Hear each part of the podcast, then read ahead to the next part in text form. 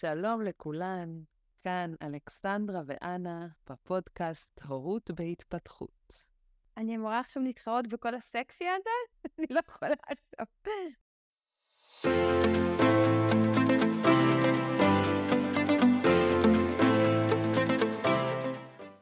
אז, פרק מאוורר, אבל גם אקטואלי. נשים ממשיכות ללדת, לא חשוב בעצם מה קורה, אנחנו ממשיכות ללדת. והתחום הזה של קניות לפני לידה יצא כבר מזמן, מזמן מזמן מכל פרופורציה הגיונית, וגם אם אנחנו מבינות את זה, עדיין יש פה אלמנט מלחיץ. כי מה עם כל הדברים שבאמת צריכים? אז היום אנחנו נדבר על הבאמת צריכים הזה, וננסה לשים עליו כמה שיותר סימני שאלה. אלכסנדרה, תגידי, בתור מישהי מאוד מאוד מסודרת, שיש לה רשימות ואקסלים אה, ולוזים לכל דבר, איך את התנהלת לפני הלידה הראשונה? טוב, נראה לי את יכולה לנחש, נכון? שנתיים לפני שנכנסתי להיריון, החלטנו שאנחנו ניכנס להיריון, עוד שנתיים. והתחלתי להתכונן אליו כלכלית. וראיתי המון עלויות הזויות לגבי השנה הראשונה. בטח גם ראיתי 100 אלף לשנה ראשונה, מיליון עד גיל 17-18, לא יודעת. אז החלטתי שזה לא הגיוני, ואני צריכה לעשות רשימה משלי. אז כמו שאת מבינה, הלכתי לגוגל והוצאתי לעצמי לפחות עשר רשימות, מה צריך לאחר הלידה, לתוך רשימה אחת מסודרת, ענקית, באקסל. וכמובן, כולם צחקו עליי, ובסוף כינו בי, סתם שתדעי. התחלתי לחקור כל פריט, האם צריך אותו, מתי צריך אותו, כמה הוא עולה, ולאחר המחקר הזה בניתי תקציב לשנה הראשונה, והמטרה הייתה להשאיר בצד כל חודש סכום כסף, כך שנגיע ללידה עם הסכום שרשמתי לעצמי, אה, ובפועל אני חושבת שהשתמשנו כשליש ממנו, ותכלס זה אחלה. גם אתן טיפה מקנות באלכסנדרה עכשיו בעניין הזה של הסדר. אני תמיד זה כזה מעורר השראה בעיניי, באמת. אני שנכנסת להיריון בטעות, ואיזה רשימה, איזה זה, מה עולה, מי עולה. אמ, באמת, איזה, איזה מעורר השראה זה לשמוע את הצד השני, ואני חושבת שגם אני הייתי מקנאה בך. ובואי נדבר רגע על הרשימות האלה מה, מהחנות, שהוצאת איזה עשר מהן. את מקבלת הרי רשימה של מיליון ואחת מוצרים לפחות, שכולם הכרחיים ביותר, ואם את לפני לידה ראשונה, אז הרבה פעמים את בכלל לא יודעת שמדובר בשקר גדול, ואף אחת לא צריכה סדיניות. חכי, חכי, נגיע גם לסדיניות.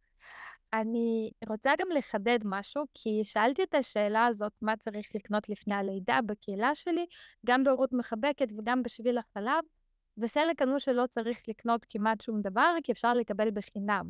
אז ברור שחלק אפשר לקבל בחינם, ואנחנו גם נדבר על זה, אבל רציתי להדגיש שאנחנו עוסקות קודם כל בשאלה האם צריך את זה, כי גם את הדברים בחינם לא בטוח שאני צריכה, אוקיי? אז קודם האם צריך את זה, ורק לאחר מכן איך משיגים את זה בחנות, או מחברה, או יד שנייה.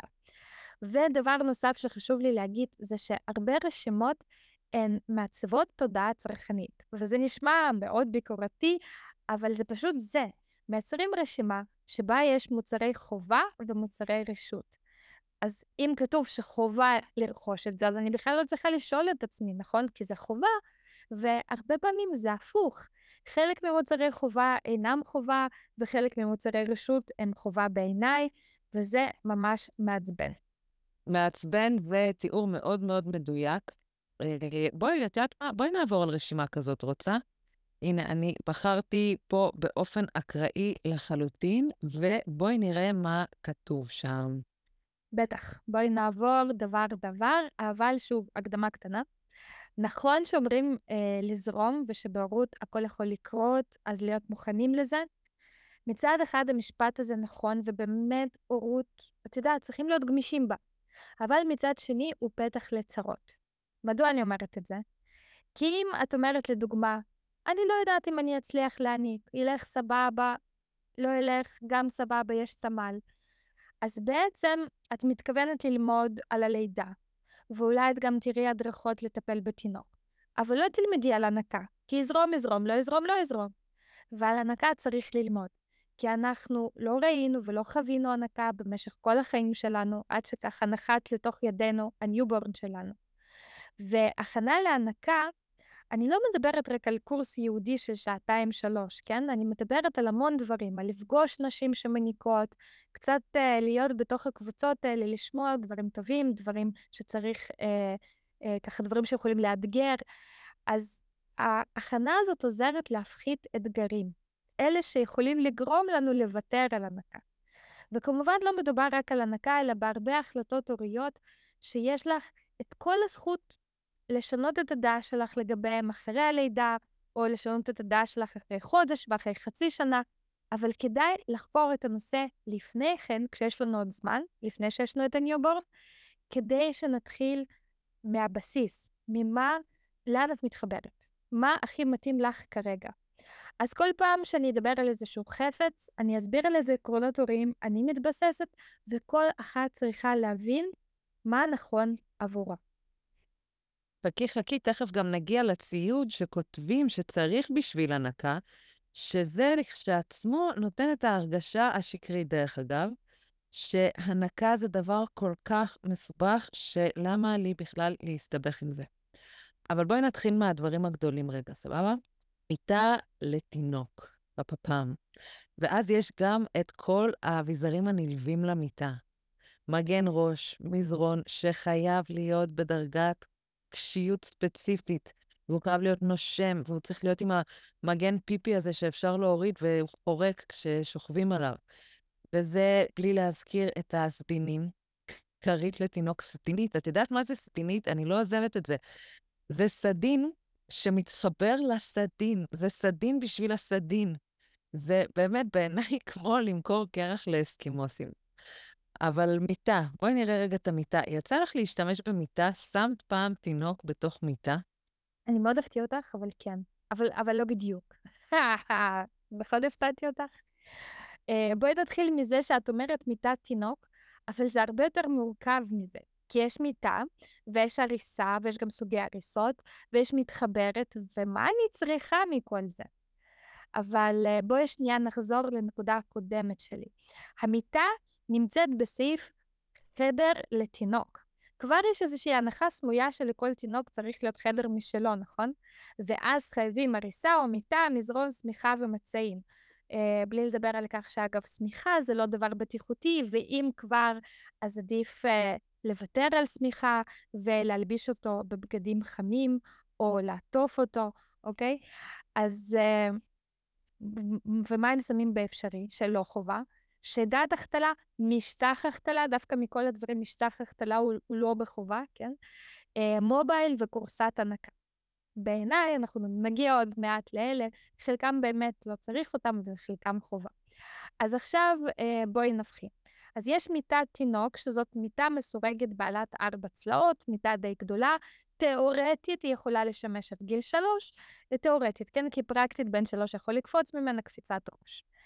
הריסה היא אותה מיטת תינוק, רק קטנה יותר, ויכולה להיות סטטית או על גלגלים, ואז לחלק ממוד זה עוזר לנענע אותה. בשביל, את יודעת, אלה שהילדים שלהם כן נרדמים בתוך הריסה בניינו. מצטברת זאת בעצם מיטת תינוק, שלרוב מגיעה בגדלים של הריסה, אין לה צלע רביעית, כך שהיא מתחברת למיטת הורים. אז בעיניי מתחברת היא הדרך הבטוחה ביותר, במיוחד בהתחלה ללינה משותפת, במיוחד להורים שהמיטה ההורית גם ככה קטנה, לדוגמה מטר ארבעים. עכשיו, לינה משותפת זה כבר ערך הורי. לדוגמה, היא עוזרת ליישם ערכים כמו תגובה מהירה לצרכי התינוק, זה היה מאוד חשוב לי, העלאת הביטחון האישי שלי. אפרופו, דיברנו על לבדוק האם התינוק נושם, אז הייתי פשוט שמה את היד שלי על הבטן של אלה, והייתי מרגישה אותה עולה ויורדת. אגב, צריך להפסיק לנשום, כי אחרת זה מפריע. וזהו, בדקתי, המשכתי לישון, לא הייתי צריכה לקום. אז בגלל זה אני אומרת שיש כאן עניין של ערכים הוריים. אגב, את uh, זוכרת כמה פעמים בדקת האם התינוק שלך נושם בלילה? וואי, עם נאיה, הבת הגדולה שלי, בשבועיים הראשונים פשוט לא ישנתי, ליטרלי, באמת לא ישנתי, כי כל הזמן בדקתי אה, שהיא נושמת. ואז אחרי שבועיים נכנסה לי מחשבה מאוד מרעננת לראש. שזה לא אמור להיות כל כך קשה. שלא היינו שורדים אבולוציונית אם ככה היינו מתנהגים, אם ככה היינו אמורים, אמורות להתנהג. ואז התחלתי לישון איתה בהנקה. עכשיו, לא היה לי מושג, לא על לינה משותפת ולא על זה שככה אמורים לעשות. ובכלל, התביישתי לדבר על זה, כי הייתי בטוחה שאני עושה משהו נורא לא בסדר, שפשוט איכשהו עובד לנו. ורק אז התחלתי, באמת במקרה, לקרוא וללמוד. אה, אני לא מסודרת כמוך, כן? והבנתי שאני עושה הכל בסדר. אז uh, לינה משותפת ומתחברת היה פתרון שאני בחרתי עם אלה. עם איתן פשוט השתמשנו במיטת תינוק שהורדנו לצלע הרביעית, uh, מה שאפשר להשתמש בה לזמן ארוך יותר, ומי ששואל האם זה בטיחותי, אז uh, תזכירו uh, מתחברת ואתם תראו שמבחינת אופן הבנייה זה באמת אותה מיטה. Uh, חשוב לציין גם שגם המיטה וגם ההריסה וגם מתחברת מעץ מלא במצב מצוין, אפשר למצוא במחירים מצחיקים ביד שנייה ואפילו אגורה. על מיטת התינוק, אה, מאיפה היא בכלל הגיעה אלינו, אה, כשהתכוננתי והיה לי את, את יודעת, את כל הפרץ הכינון הזה לקנות דברים, מצאתי באגורה מישהו שמוסר, ממש שני רחובות אה, מתחתיי, מיטת תינוק. ואמרתי לעצמי, עד כמה היא כבר בסדר, כן? באנו לשם, כי זה, זה היה בחינם, זה אגורה. Uh, ואנחנו סטודנטים, סבבה, נסענו, מוציאים לנו מיטה מעץ מלא, נראית כמו חדשה, אין עליה שריטה אחת. לקחנו, הבאנו אותה הביתה, אוקיי? אז באמת אין שום צורך לקנות אותם חדשים, והנה חסכתם כאלף שקלים ואולי אפילו יותר. אוקיי, okay. הפריט הבא שלנו מהדברים הגדולים זה שידת החתלה. והאמת שאצלנו זה מאוד מאוד שימושי. עד היום זה ארון הבגדים של כל שלושת הילדים שלי. יש מגירה אחת לכל אחד, הכל מסודר, מאוד מאוד נוח לקפל בגדים קטנים בתוך מגירות. גם אצלי, את יודעת, ושידת החתלה בהרבה מקומות נמצאת דווקא אה, ב- לא בחובה, והרבה אימהות אומרות שלא צריך אותה. למה? מכיוון שזה תלוי באיך נראה הבית שלך. כשאלה נולדה, היה לנו ארון ששימש לבגדים שלי ושל הבן זוג שלי, מצעים, מגבות וכו'. לא היה לנו מקום לבגדים שלה. אם לא הייתי קונה שדת החתלה ומשתמשת לדוגמה במיטה, זה אומר שאני צריכה להחזיק ליד המיטה את כל מה שנדרש להחתלה, ולא היה לי מקום לזה. ובנוסף, לא היה לי גם מקום בחדר לארון נוסף. עוד יתרון לשידת החתלה זה שעם הזמן אלה התחילה להכניס ולהוציא את הבגדים שלה לבד. באמת, אני חושבת שהשתמשנו בשידת החתלה כארון בגדים עד שאיתן היה בן שנתיים, כלומר, אלה כבר הייתה בת חמש. זה די הרבה זמן. אמ, ו... אם זה יהיה גם השימוש אצלכם, אני ממליצה לקנות את השדה הגדולה ביותר שאתם יכולים להשיג, ולא את השדות הקטנות של איקאה. עכשיו, גם במקרה של שדה אפשר למצוא בקלות שדות עץ מלא מעולות ביד שנייה, מקסימום תתקינו ידיעות חדשות, משהו יפה כזה, עם מדבקות, מה שתרצו, ולחסוך עוד אלף שקל ואף יותר. אני חושבת שאת שלנו לבנה כזאת במקור משלה, ואני חושבת, שעולה שם בסביבות 2,000 ומשהו, כי היא ענקית. אמ, השגנו ב-300 שקל ביד שנייה. אני חושבת שגם השם מטעה, כי זה לא שידת החתלה, זה פשוט שידה גדולה, מאוד מאוד נוחה לאחסון בגדים. זה לא קשור להנה, אני לא חיתלתי אף לא אחד משלושת ילדיי. Uh, השידה הזאת לא שימשה מעולם להחתלה, למרות שכנראה זה נוח, כן? את עומדת שם עם התינוק כמו על uh, מדף כזה. Uh, אבל בתור ארון, בתור מקור אחסון, זה מאוד מאוד נוח. ואני גם רוצה לציין שהקאץ' האמיתי של השיטות האלה זה שהן כבדות בטירוף, ומאוד מאוד קשה לפרק אותן, והשינוע שלהן באמת מבאס. ולא סתם אתם תראו כשתחפשו מלא שידות למסירה תמורת פינוי. רק תיקחו את הדבר הזה מפה. ווואלה, זה עדיין שווה, גם אם לוקחים הובלה ב-300 שקל, אה, במקום לקנות שידה חדשה. אה, פר... הפריט הבא ברשימה זה ארון בגדים לתינוק.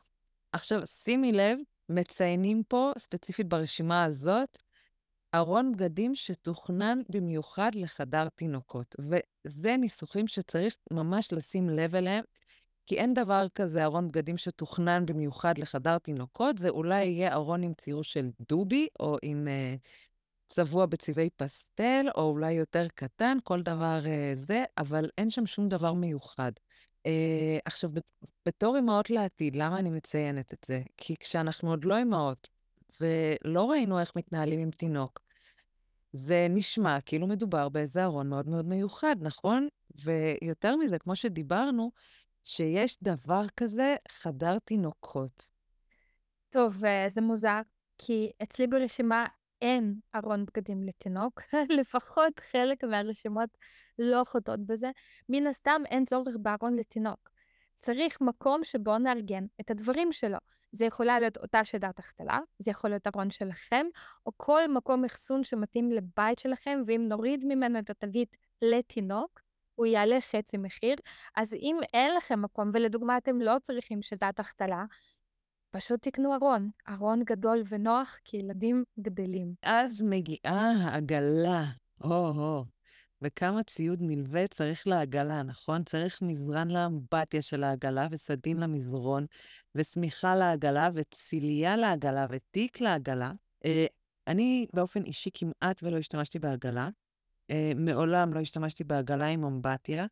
זה בעיניי אביזר מגושם ולא נוח, וכל כך כל כך לא נכון, לא לתינוק ולא לאימא, דרך אגב. אנחנו בכלל לא אמורות להרים את כל הדבר הזה, לפרק אותו מהעגלה, להכניס אותו לבגאז' אה, אחרי לידה, ועוד הייתה לידה קיסרית בכלל לא, לא, לא רלוונטי, ו, וגם תינוק לא, לא אמור לשכב. לרוב גם פחות ירצה לשכב אה, לבד באמבטיה של העגלה, בטח לאורך זמן. לך יצא להשתמש בעגלה? אז ככה, עגלה זה הדבר היחיד, אני חושבת, שקניתי חדש. אה, מתוך הדברים הגדולים, כן? אה, אני כן השתמשתי בחיתולים, אז לדוגמה קניתי גם אותם חדשים. אז קניתי עגלה של Britax, אם אני לא טועה, היא עלתה 1,600 שקל. אה, ובגדול רציתי אותה חדשה בגלל כל האביזרים שמתיישנים. הם גם לא נראים טוב, אבל גם זה יכול לפגוע בבטיחות. רכשתי אותה ללא אמבטיה. מה שנחמד ב Britax זה שהיא נפתחת ל-175 מעלות, ואז אפשר להשכיב שם תינוק מהלידה. יש לי איזו תמונה חמודה, איתן בן יום ואלה בת שנתיים וחצי שחווים שם בתוך ה Britax הזה. אה, ואחר כך היא הופכת לטיולון והיא מתאימה בעצם אה, עד הסוף. אנחנו השתמשנו בברייטקס שלנו עד שאיתן היה בן אה, שלוש וחצי. כלומר, הרבה זמן. אבל לא בהתחלה, אוקיי? אז uh, נתחיל מאותה אמבטיה. אנחנו קיבלנו אמבטיה במתנה uh, מבני משפחה, שגם כנראה כמעט ולא השתמשו בה, כי היא הייתה חדשה לגמרי. השתמשתי בה פעם ראשונה ואחרונה כשניסיתי אותה, uh, אני חושבת שהלכתי למפגש ללצ'ה בחיפה, ולאחר אותה פעם, כשלא הצלחתי, בקושי דחפתי אותה, לא, לא הצלחתי לדחוף אותה לבגש, בסוף דחפתי אותה על הכיסא ליד הנהג. היא ענקית, היא תופסת את כל המקום. ו- ומסרתי אותה חזרה. עכשיו, חשוב להבין, עגלה יכולה להיות נוחה, אוקיי? אם אלה התחלתי להשתמש בעגלה אחרי גיל שנה, כבר חשבתי למסור אותה, ואז, עגלה, אה, ואז אלה ראתה את העגלה, התיישבה בה, ואוקיי. ונכנסתי להיריון, אה, וכשנכנסתי להיריון כבר היה לי קשה לשאת אותה במנסה, וזה דווקא היה נחמד להשתמש בעגלה, וגם עברנו לגור במישור. אמ, וגם איתן, אגב, אהב עגלה, הוא מהתינוקות האלה שאוהבים, את יודעת, להתפרס כמו כוכב, והוא פחות אהב אה, לישון אה, במנסה. ודווקא כשאלה הייתה פעוטה, אז העגלה הזאת שימשה אותי בעיקר להעברת ציוד. כל מיני בגדי החלפה, ארוחות ומשחקים, כי היינו בחינוך ביתי ויצאנו, את יודעת, לכל היום, וצריך להביא הרבה דברים. אז הנקודה שלי היא שלא כל אחת צריכה עגלה. תחשבו איפה אתן גרות. האם זה מקום הררי או מישורי? כל עוד אני גרתי על הר, באמת, העגלה הזאת ישבה לה יפה ככה בפינה בדירה. איפה אתן בדרך כלל מבלות? ובנוסף, תזכרו גם שעם כל התכנונים יכול להיות שיוולד לכם תינוק שפחות רוצה לשכב בעגלה, ואז היא תימסר כחדשה לחברים, ולעומת זאת, אגב, עגלה נמצאת ברשימת חובה, מנסה, לעומת זאת, נמצא ברשימת אפשר לקנות. ואני חושבת שזה צריך להיות ההפך. אני מאוד מסכימה איתך, שוב. ולגבי איפה אתן מבלות והחשיבה הזאת, אני חייבת להוסיף פה סיפור. אה, כשהלכנו לקנות את העגלה, אה, המוכר כמובן שכנע אותנו שצריך את הדגם המסוים הזה, כי בלה בלה בלה, לא חשוב. אה, זאת לא הפואנטה גם. ואני לא אשכח, הוא הסתכל עליי, והוא אמר לי, לאן כבר תלכי איתה? לקניון? לבית קפה? עכשיו, שתי, כאילו, גרנו באותה תקופה בשחרות, ביישוב הכי, הכי מבודד בישראל, אה, הרי אילת, אין אפילו כביש סלול, אין, אה, אין לך איך ללכת עם, כאילו, אפשר רק עם העגלות אה, שיש להן גלגל אופניים, הגלגלים הגדולים. בקיצור, שם נפל לי איזשהו אסימון, שאולי, רק אולי, הרשימה הקונבנציונלית הזאת שמציעים לי, היא לא בדיוק בשבילי. ושם התחלתי לחשוב עצמאית, ולחשוב בכלל על מה אנחנו צריכים באורח החיים שלנו, בניגוד למה אה, צריך באופן כללי. עכשיו, את יודעת מה עוד אני מאוד אוהבת ברשימת קניות לתינוק? ואני, כן, צינית פה קצת. אני אוהבת את הסקשן של הטיפוח.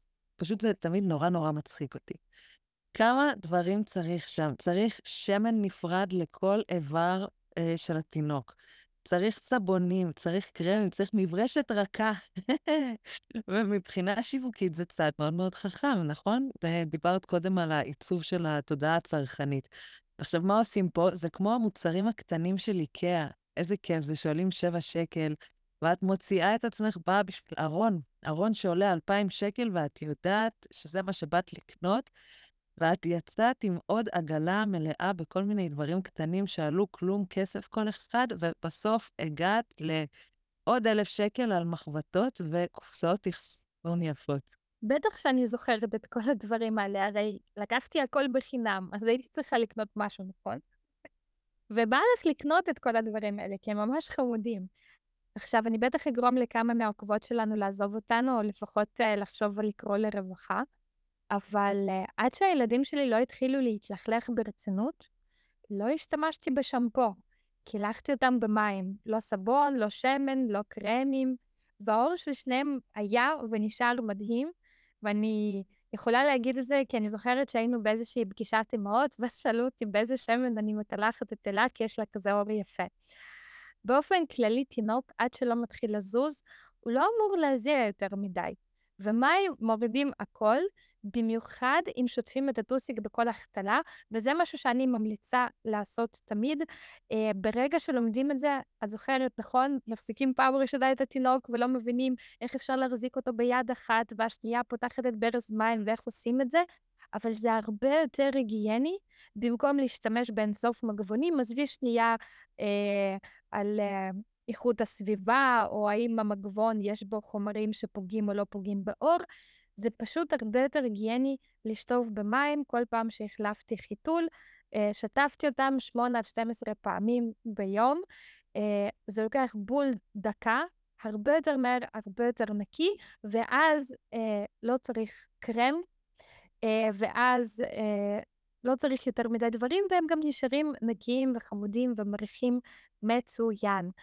אז מבחינת טיפוח, אני חושבת שהשתמשתי בוויטמין D, השתמשתי במספריים עגולות, כי לי אישית היה באמת ממש מפחיד אה, לקצוץ אה, במספריים הרגילות שלי. Um, היה לי קרם החתלה של ולדה, השתמשתי אולי בשלוש שפרפרות, אני גם לא בטוחה שהשתמשתי, יכול להיות שזרקתי חלק כי היה להם איזה פג תוקף או משהו כזה, ואני מדברת על שלוש, על שני הילדים שלי ביחד בכל הזמן uh, שהם היו בחיתול. וזהו, זה נראה לי הכל מבחינת טיפוח. עכשיו אל תשאלי אותי כמה מוצרי טיפוח יש לי לשיער המטולטל של אלה, שמגיע לה כמעט עד הטוסיק. שם הכסף האמיתי. אז לחכות עם ההוצאות, את אומרת, זה עוד יבוא. אה, אני רוצה להגיד, להוסיף, דרך אגב, על ה... לשטוף תינוקות אה, בכל החתלה, שבחודשים הראשונים מים חמימים. באזור פי הטבעת גם עוזרים להם לשחרר קקי. אה, זה עוזר להם לסיים, להתפנות. הרבה פעמים הם לא מוצאים הכל בחיתול, ואנחנו מתישהו, מתישהו נקליט פרק על פשפושים, ואז נדבר על זה קצת יותר לעומק, אבל באמת, מים, מים זה טוב לנו. אבל בואי נדבר רגע תכלס. תכלס, מה באמת צריך? Uh, ואני חושבת שאחת ההבנות החשובות לגבי זה, היא שיש מעט מאוד מוצרים שבאמת צריך. והשאר, את תשתמשי אם יהיה לך, כי כבר קנית, נכון? מה, לא נשתמש? הרי החסכנות פה עולה על כל uh, גורם אחר. אבל בעצם ממש ממש לא צריך אותם. ואם צריך, אם נהיה חייבים אותם, אפשר לקנות בהמשך. Uh, ויש עוד עניין שלא הזכרנו. נכון שלקראת לידה לפעמים פשוט בא לנו לקנות? זה חלק מכל התהליך הזה של הכינון, של ההכנה, וזה טבעי וזה נורמלי לחלוטין, וזה גם כיף. Uh, הבעיה שזה יכול לצאת נורא נורא יקר אם עושים את זה ככה פשוט בצורה ספונטנית. ומה שאני מציעה, אם אתן פה לקראת לידה, תחזיקו בשביל המקרים האלה רשימה מוכנה של דברים שאולי הם לא הכרחיים, או שהם כן הכרחיים אבל לא דחופים. ואז במקום להתפזר, מה שקורה מן הסתם בהיריון ומחמיר לקראת הלידה, את מוכנה גם לתרחיש ההורמונלי הזה. רגע, אנה, אנחנו צריכות לצאת עכשיו להפסקת פרסומות, דקה של פרסומות. אם את רוצה להשקיע בעצמך, דקה לפני הלידה, לכי לאתר שלנו, אלכסנדרה, ותרגשי דברים שאת בוודאות חייבת. הם חיוניים. אין רשימת קנייה לתינוק אחרי הלידה שלא נמצאים בה הדברים הבאים. הכנה להנקה. איך נראית שינה בגילאי 0 עד 4 חודשים. כשהתינוק שלך בוכה, מה הוא רוצה? ועכשיו את צריכה להוסיף את שלך, אוקיי? סתם. אני צוחקת, אבל uh, עכשיו בלי צחוקים. את יודעת מה באמת צריך? הייתה לי רשימה כזאת, אגב, היא הייתה חלק מה... 21,000 שקל, אני חושבת, אנחנו חסכנו ללידה. מה היא כללה? מכונת כביסה, אל תצחקי, לכולם יש מכונת כביסה, אבל אם יש לכם מכונת כביסה קטנה, ונגיד את מצפה לתאומים, וגם אם את חסכונית ומינימליסטית, יכול להיות שאולי אם באמת כבר המכונת כביסה, את יודעת, בסוף חייה, אולי כדאי לשקול מכונת כביסה יותר גדולה. אנחנו עברנו ממכונה של 5 קילו ל-8 קילו, ואת יודעת, הרבה יותר נחמד לעשות 2, 2, 3 כביסות בשבוע מאשר כל יום. Uh, ומייבש. עכשיו, יש כאלה שיש להם מקום לייבש. אני גרתי בחיפה מול הים, שום דבר לא מתייבש. את, את לא מבינה מה זה? בקיץ, בקיץ לוקח שלושה ימים, לא יודעת, זה לא מתייבש, זה הכל מלא בלחות. אז מייבש הציל את חיי. Uh, דייסון, דייסון הציל את חיי. אה, רומבה. עכשיו, עזבי, אני סתם, אני קוראת לכל רובוט ששוטף רומבה. בעלי מת על טכנולוגיות, יש לנו עכשיו רובוט, אה, אני לא שוטפת בבית, יש לנו מנקה פעם בשבוע, ופעם אנחנו היינו מנקים פעם בשבוע, אבל הרובוט הזה מדהים. אה, יש לי מולטי שף. את יודעת, אחרי ההיריון, וגם בזמן ההיריון את שמה ביצים אה, בסיר, ואז את שוכחת אותם, ואז אה, הסיר נשרף. אף פעם לא קרה לי, בטח. אז במולטי שף, את, אני לדוגמה יכולתי לשים אורז, ואז הוא מבשל אותו, ואחרי שהוא מסיים, הוא מכבה את עצמו, ויותר מזה, הוא שומר על טמפרטורה, ככה שאם אני אגיע ארבע שעות אחרי, האורז חם ומוכן. איזה גאוני זה, זה הציל אותי אחרי הלידה. כלומר, הרבה דברים שקריטיים בעיניי אחרי הלידה, בשבילי, כן? לכל משפחה זה משהו אחר, הם בכלל לא מופיעים ברשימות האלה. טוב, אז uh, אני ארפרף בקצרה על כל הרשימה, טוב?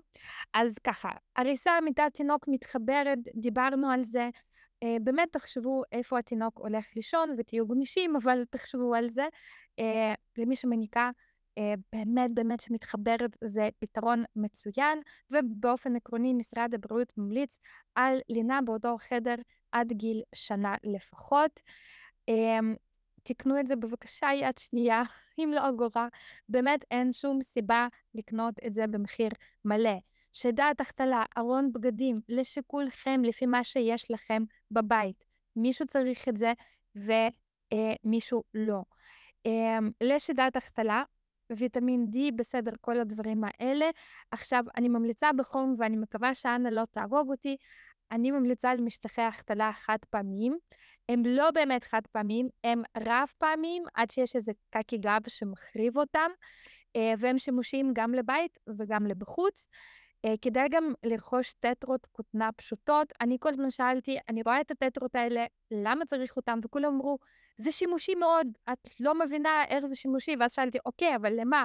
ואז לא יכלו לתת לי פתרונות, לא, לא, לא הסבירו לי למה. אז הן טובות לניגוף פליטות. אה, אני אישית השתמשתי בהם כקומפרסים uh, כשהשד התפוצץ מחלב, אז uh, בעלי היה מרטיב אותם, שם במקפיא, ואז זה היה מין קומפרס קר נחמד כזה. זה, זה עוצר את זרימת החלב שמתפרץ ככה כהר געש, ומגיע עד מסך מחשב, true story. בקיצור, טטרות זה טוב. או, oh, פה אני חייבת להיכנס, כי טטרות זה מעולה, אבל גם פלנל. פלנל לא מוערך כמו שהוא אמור להיות. זה בד מאוד מאוד סופג, אפשר בקלות להפוך אותו לחיתול. ממש לעשות חיתול כזה, כמו שפעם היו עושים עם סגירה. אה, זה קיפולים שמאוד מאוד קל ללמוד. אם אתן רוצות לאוורר את התינוק, למשל, אבל לא להשאיר אותו ערום, אפשר פשוט לפרוס מתחת לתינוק אה, אה, פלנל מקופל. זה, אם זאת בת, אה, זה סופג כל, כל פיפי בשלב שהם עדיין לא, לא, לא זוחלים. אה, אני לא השתמשתי בחיתולים, אמרנו את זה קודם, מתישהו נקליט על זה פרק שלם. אה, ופלנל זה מוצר מעולה לעניין הזה, אבל, אבל לא רק. אה, ובסוף את יודעת מה עושים מהפלנלים, סמרטוטי רצפה. אוקיי, את יודעת, אני לא השתמשתי בפלנל, לא הצלחתי להבין. אלה נולדה בקיץ, אז לא הרגשתי צורך. יכול להיות, וגם לאיתן, אני, הוא נולד בחורף, אבל לא השתמשתי. אז הנה, תראו, שתי שתי נשים עם uh, כביכול אותה גישת הורות, ועדיין השימוש הוא שונה. אז תקנו קצת. Um, ואז תחליטו כמה צריך. אני הייתי צריכה את הטטרות המכותנה, אני חושבת שהיו לי בסוף איזה 15. אוקיי, okay. עגלה או מנסה, את העגלה תקנו לפי אורך חיים שלכם, לפי איפה אתם חושבים שתבלו אחרי הלידה. מנסה בעיניי הוא חובה לכל אימא, אבל עדיף לרכוש אותו אחרי הלידה, במפגש מנשאים או אצל יועצת מנשאים כדי להתאים אותו לתינוק. מנסה מושלם לתינוק אחד יתאים פחות לתינוק אחר, בגלל כל מיני הבדלים של אה, גובה, מידות גוף אה, ומידת הגמישות שלו. מנסה שהתאים לאלה לא התאים לאיתן עד גיל חודש וחצי בערך. אני ממליצה בחום לפני קניית מנסה, תעשו קצת סקר שוק, אולי תקשיבו לפרק שמתישהו נקליט בנושא. תלמדו את הנושא, בקיצור, אל תרכשו מנסי בד נמתח או מנסי ילקוט נוקשים, שתמיד מפרסמים אותם עם 20 אלף סוגי מנחים שרובם אה, לא טובים לתינוק. מנסה זה באמת אה, נקודה חשובה, ובאמת, מתישהו אולי נעשה פרק על מנסי, מה את אומרת? אה, כמה אימהות את מכירה שהתחילו עם המנשאי לייקרה, נכון? המנשאי לייקרה, מה שהכי תפס בישראל, ובמנח חרסול גם. ותוך שבוע הגיעו למסקנה שמנסה זה לא בשבילם, שזה, הגב שלהם לא עומד בזה, זה כואב בכתפיים, זה כואב בצוואר. עכשיו, באמת, יש ממצאים מעולים. זה לא חייב לכאוב ולהיות לא נוח, ויותר מזה, זה חייב לא לכאוב, וזה חייב להיות נוח. אוקיי, אז מה יש לנו עוד? יש לנו תיק לעגלה, בחיי, אני לא יודעת מי צריכה את זה. התיק הכי נוח בעיניי הוא תיק גב שהיה לי לפני הלידה. לרוב העגלות גם ככה יש אחסון מסוים מאחורי העגלה, למטה, באמת, אה, תראו מה נוח לכן. סלקל או כיסא בטיחות. אני אישית התחלתי מסלקל שקיבלתי במתנה של אה, Britax. לא, לא של Britax. כן של Britax? אני כבר לא זוכרת את כל המותגים האלה.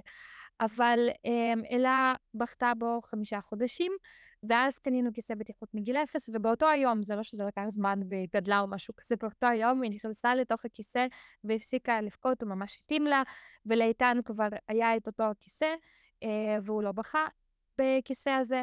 אה, אז אני אישית ממליצה אה, על נונה רבה, אבל לא יודעת עד כמה זה מתאים לכולם, אין לילדים שלי זה התאים.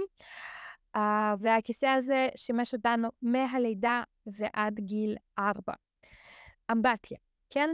Uh, יש אינסוף אמבטיות מתוחכמות ומיוחדות. אני חושבת שמה שחשוב באמבטיה uh, זה שהיא תהיה יחסית גדולה, כדי שאת יודעת, היא לא תתאים רק לחודש אחד, שהיא תהיה על רגליים, כדי שלא תשברו את הגב. Uh, ואני לא אוהבת את כל הטריקים האלה המובנים בתוכה, הם סך הכל די מפריעים לתינוק. אמ, את מכירה את כל הטריקים האלה שיש כל מיני אמ, מין אה, מקומות כאלה להושיב, אבל הם קבועים, ואז ברגע שהתינוק שלך קצת יותר שמן, או קצת יותר רזה, או קצת יותר גבוה, זהו, זה כבר לא מתאים. Um, מה שכן, תשימו לב, uh, שצריך להיות uh, חור עם צינור ניקוז של המים, כי יש אמבטיות בלי זה, ואז בעצם צריך לסחוב את כל האמבטיה הענקית ולשפוך אותה לתוך אמבטיה שלכם, וזה מאוד מאוד לא נוח.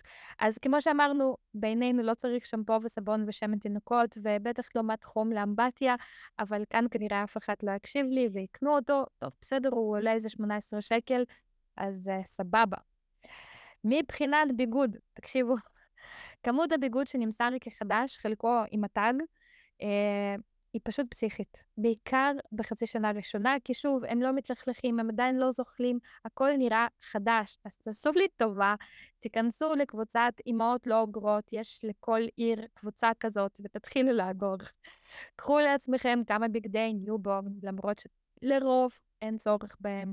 תיקחו לכם כמה 0.3, אנחנו לא במצור, אפילו בתקופת מלחמה, החנויות כאן. שישה פריטי לבוש בעיניי זה מה שצריך, ולאחר מכן תראו לפי כמות הפליטות וקעקי גב אה, והתינוק שלכם. לדוגמה, אלה כמעט ולא הייתה צריכה בגדים, לעומת זאת איתן שפלט המון, המון, הוא היה צריך הרבה, וגם אני. אני החלפתי משהו כמו שש, בין שש לשמונה חולצות כל יום, כי הוא פשוט היה פלטן מטורף. אה, ומבחינת הפריטים, תעזבו בבקשה את כל החזיות ומכנסיים ובטח חולצות מכופתרות, זה נראה יפה בצילום, התינוק צורח בהם, זה לא נוח בטירוף. הבגדים הכי נוחים זה בגדי גוף הכי פשוטים, שאולי לא נראים סקסיים, אבל הם באמת באמת נוחים. אה, יש אותם עם טיקטוקים באזור החיתול, אה, ויש להם בדרך כלל צוואר מאוד נמתח, ואז אפשר להלביש אותם מהרגליים ולא דרך הראש, והם פשוט ממש ממש נוחים. אנה, יש לך משהו להוסיף על ביגוד? Uh, בטח, אני באופן אישי לא השתמשתי בכלל בבגדי גוף, כי כשיש לך תינוק בלי חיתול או מפושפש, זה פחות רלוונטי. Uh, וזאת הסיבה, דרך אגב, יש לי את החנות שלי באתר, מה שדיברת קודם, יש לי שם חולצות, חולצות מגיל newborn לתינוקות. אה, אני לא יכולה לתאר לך כמה זה נוח, ולא צריך אה, לתקתק ולא צריך לזה. אה, וגם, דרך אגב, אוברולים. אתם תראו שיש אוברולים שאת זוכרת את זה שהם עם טיק-טקים מלמטה עד למעלה, איזה עונש. ואז טעית באחד, ואת צריכה לפתוח את הכל ולתקתק מחדש. אלוהים שישמור. אז גם אם התינוק שלכם עם חיתולים ואתן קונות אובר, אוברולים, עכשיו גם אנחנו נכנסות לחורף, פחות טיק-טקים, אה, יש כאלה גם עם ריצ'ראץ', שזה בכלל אה, יותר נחמד. אה, ו, וגם בגדים באמת לא צריך להתפרע עם הקניות ולא צריך את הדברים המאוד מאוד חמודים האלה. נכון, זה נורא מפתה שיש כובע ומחוברות לו אוזניים של ארנב, אבל את לא תשימי ל newborn שלך כובע עם אוזניים של ארנב, אה, בטח לא אם זה קפוצ'ון, זה פשוט לא, זה לא עובד. אז רק שתדעי שיש לי תמונה של אלה עם קפוצ'ון של סנאי. קיבלתי את זה במתנה, וזה מאוד מאוד חמוד. השתמשתי בזה בשביל התמונה. וזהו. אבל זה נורא חמוד. נכון, באתי להגיד בדיוק, ולי יש תמונה של נאיה, עם אוברול, עם כובע של אוזניים, עם אוזניים של ארנב. השתמשנו בו בשביל התמונה, ומסרנו אותו הלאה. אוקיי, אז מהבגדים בואי נעבור למוצצים. טוב, אני לא השתמשתי במוצץ. אמ, זה לא מוצר חובה לכל התינוקות. אם אתן מתכוונות לתמל, אתן כן צריכות מוצץ. אם אתן רוצות להניק, עדיף לא להשתמש במוצץ בשבועות הראשונים, ולאחר מכן תראו אם אתן אה, רוצות להשתמש או לא. אנחנו צריכות לעשות מתישהו פרק על מוצצים. בכל מקרה, אתן מקבלות מספר מוצצים במתנה בכל מיני ערכות שכולם תמיד לוקחים, ואז מקסימום תראו למה התינוק מתחבר. אין איזשהו מותג שמתאים לכולם. וכאמור, ליונקים עדיף לא להשתמש במוצץ בתקופה הראשונה, אז אין טעם לאגור מוצצים. מבחינת תמ"ל, אם את מתכוננת אה, לתמל, אני הייתי קונה תמ"ל אחרי הלידה, כי התינוק יקבל תמ"ל בבית חולים, ואז את אותו התמ"ל את צריכה לקנות כדי להמשיך עם אותו תמ"ל, אחרת זה יכול לעשות לו בלאגן בבטן, אין צורך לאגור אותו לפני. סופר פארמים, תמיד יש אחד פתוח 24 שעות ביממה. אמ, ואם את מתכוננת להניק, אל תקני תמ"ל, לא צריך אותו לכל מקרה. בכל מקרה תקבלי תמ"ל כנראה באחת הערכות שתאספי, ואם את תצטרכי לתאסף בתמ"ל בבית חולים, את תקבלי משם בקבוקי תמ"ל. בקיצור, תמ"ל נמצא בכל מקום, אין צורך לרכוש אותו מראש. עכשיו, גם בקבוקים, אותה התייחסות כמו על תמ"ל. אם את מתכוונת אה, לתמל, אז כן, צריך ערכה שלמה. בקבוקים, מברשת לניקוי בקבוקים. עכשיו, יש סטריליזטור, חלק משתמשות, חלק לא, יש מחלק מנות, יש אה, מתקן אה, כזה לייבוש בקבוקים. אה, כל החברות שלי שמתמלות אומרות, הכי טוב לקנות את הכי פשוט ב-30 שקל. אה, ואם את מתכוונת להניק, אל תרכשי בקבוקים, את תקבלי אותם כנראה בערכות, ואם את תצטרכי, סופר פארם פתוח כל הזמן. משאבת חלב, אגב, אני אעשה מתישהו בקרוב אה, על משאבת חלב, אה, אני ככה מתכננת איזה משהו נחמד, אני אדבר על זה אחר כך, לא משנה. אבל על משאבות חלב, אישית אני לא ממליצה על רכישת המשאבה לפני הלידה, אלא אם כן את אימא מנוסה, לדוגמה, את ילדת כבר כמה פעמים ואת יודעת שיש לך uh, תינוקות, את uh, יולדת פגים, או לדוגמה את יודעת שיש לך בעיה uh, בהנקה ואת צריכה עזרה של משאבה. אז כן, ברור, אבל אם זו הפעם הראשונה שלך, אוקיי? אני לא ממליצה uh, לרכוש את המשאבה, uh, את לא יודעת בכלל אם את תצטרכי אותה. Uh, יש הרבה נשים שכן רוכשות, בסדר גמור, במיוחד אם את יודעת שאת תצאי לעבוד אה, אחרי ארבעה-שישה חודשים ואת יודעת שאת רוצה לשאוב לתינוק שלך. אם את כבר רוכשת משאבה, תרכשי גם כמה שקיות לאחסון חלב אם. לא 200-300, כמה, כן? אה, כרית הנקה, הנה, אני לא מבינה למה היא לא מוצר חובה, היא צריכה להיות לדעתי מוצר חובה כבר בהיריון. ממש כיף לישון איתה. יש לי כמה תמונות שבעלי גונב אותה ממני, זה ממש לא יפה מצידו. אה, אז כיף לישון איתה, כיף להנהיג בה. אחר כך הילדים שלי קפצו עליה כמו על פוף, הם נורא נורא אהבו אותה, הם נורא סבלו כשאני זרקתי אותה, כשכל הפצפצים כבר התחילו, את יודעת, לצאת, אחרי שכבר uh, תפרנו אותה מספר פעמים. הבאתי אותה גם לבית חולים והיה לי ממש כיף לשכב בה, במיוחד אחרי קיסרי, אבל גם אחרי הלידה הרגילה. כרית הנקה זה באמת מוצר שהוא חייב להיות חובה. אה, גם בהיריון, אני השתמשתי. נכון, יש את השלב הזה בהיריון שלא נוח לך לשכב בשום צורה, אין, אין צורה שאת סבבה, אז הכרית הנקה פשוט פותרת את זה. יש גם כריות הנקה שהן אה, ארוכות, שמגיעות עד הרגליים, וגם אותן, דרך אגב, מוסרים מלא ומוכרים ביד שתיים, ואפשר לכבס אותן, וזה כמו חדש. כמובן, את כרית ההנהגה שלי קניתי יד שנייה, אני חושבת ב-200 שקל במקום 500, והיא נראתה חדשה. היא לא נראתה חדשה אחרי שאני סיימתי להשתמש בה, כי כאמור הילדים שלי קפצו עליה וישנו בתוכה והיא נראתה זוועה. אבל אני קניתי אחר כך כבר חדשה, אה, כי רציתי בדיוק כזאת, כלומר, הילדים דרשו בדיוק כזאת, זו הייתה מתנה עבורם, כן? אוקיי, בואי נעבור לדברים שלא צריך. כאילו, בכלל, בכלל לא צריך. ממש ממש לא צריך. אם זה לא ברור, לא משנה מה העקרונות ההורים שלך. צעצועים. לא לקנות, כלום. כאילו, באמת באמת כלום. אני יודעת שאף אחד לא תקשיב לי, אבל אל תרכשי צעצועים. אף ניובור לא צריך צעצוע, הוא גם לא צריך רעשן, הוא לא צריך מובייל. וחוץ מזה, יביאו לך את הצעצועים האלה. ואז אני מציעה להחליף אותם בשביל משהו שאת כבר כן צריכה, לדוגמה טטרות פלנל או משהו כזה, אבל באמת באמת אל תקני צעצועים. מוניטור אה, לנשימה. אלא אם כן זה מוניטור מקצועי של בית חולים, ובאמת יש פגים שיוצאים, את יודעת, עם מוניטור מיוחד כזה, שהוא באמת באמת מציל חיים. למוניטורים הרגילים, אני לא ראיתי מחקרים שהוכיחו שהם עוזרים.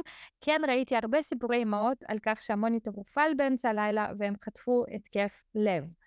זה באמת הסיפור הקבוע, נכון? על איך הרמנו את התינוק למיטה שלנו בלילה, והמוניטור התחיל לעבוד, וכולנו התעוררנו מבוהלים, ולא הצלחנו לחזור לישון חצי לילה. תמיד זה אותו סיפור. Uh, אני רוצה גם להוסיף, דרך אגב, על הצעצועים ועל הדברים שאת תקבלי, ואת תקבלי כנראה לפחות חמישה גיפט קארדים לשילב, ועוד uh, כמה לחנות אחרת, וכל מיני צעצועים ודברים שבאמת, uh, באמת לא צריך אותם. ומה שאני עשיתי, והעברתי את, ה, את השיטה הזאת גם הלאה, ובינתיים התגובות מעולות, זה תהיי קונקרטית, לפחות עם האנשים הקרובים ועם אנשים שאת יודעת שיביאו מתנה, את יכולה פשוט לבקש מה שאת צריכה. אה, למשל, אותה משאבת חלב, אם את צריכה, במקום לקבל עוד gift card לשילב של כלום תבקשי, אה, משאבת חלב ספציפית. אה, למשל, זכיית פעוטות, זה משהו למשל שעשיתי עם, עם חמותי, שרצתה לקנות לנו מתנה ללידה, ובאמת לא, לא היה צריך כלום, אז היא שילמה על חודשיים של זכיית פעוטות, זה היה נחמד, זה הפעילות שהלכנו אליה. יש כל מיני אה, מעגלי אימהות, מעגלי תמיכה, אה, כל מיני דברים שבאמת יש כאלה ש, שמתחברות לדבר הזה, וזה הרבה הרבה יותר חשוב אם את מתחברת לזה ואם יש לך את הצורך הזה בחברה באופן הזה, אה, מאשר מובייל שמסתובב ו, ומנגן ודובי כזה, וזה כזה. יש לי עוד מוצר, נזכרתי. סל כביסה מיוחד לתינוק. רק אם זה מתאים לבית שלכם ולצרכים שלכם. אגב, לי היה סל כביסה מיוחד לתינוק, פשוט הוא לא נקרא ככה, הוא נקרא סל כביסה מאלי אקספרס, הוא מתקפל, ואז uh, uh, בהמשך uh, הוא שימש את הילדים שלי לצעצועים. אז באמת לא צריך סל כביסה מיוחד, פשוט צריך מקום לבגדים. לול, אני מצטערת, אני נגד לול, אני לא מבינה למה צריך את זה. צריך מקום בטוח, לשהייה של תינוק בכל המרחבים בבית שבהם את נמצאת, ותחשבי מה נכון עבורכם. כפפות לתינוק, ביג ביג נו, לא צריך, זה גם, לא רק שזה מוצר לא חובה, זה גם תור, מזיק להתפתחות. רציתי להגיד תורם להתפתחות שלילית. זה לא טוב, התינוק צריך להיות מסוגל למשמש ולגעת בדברים.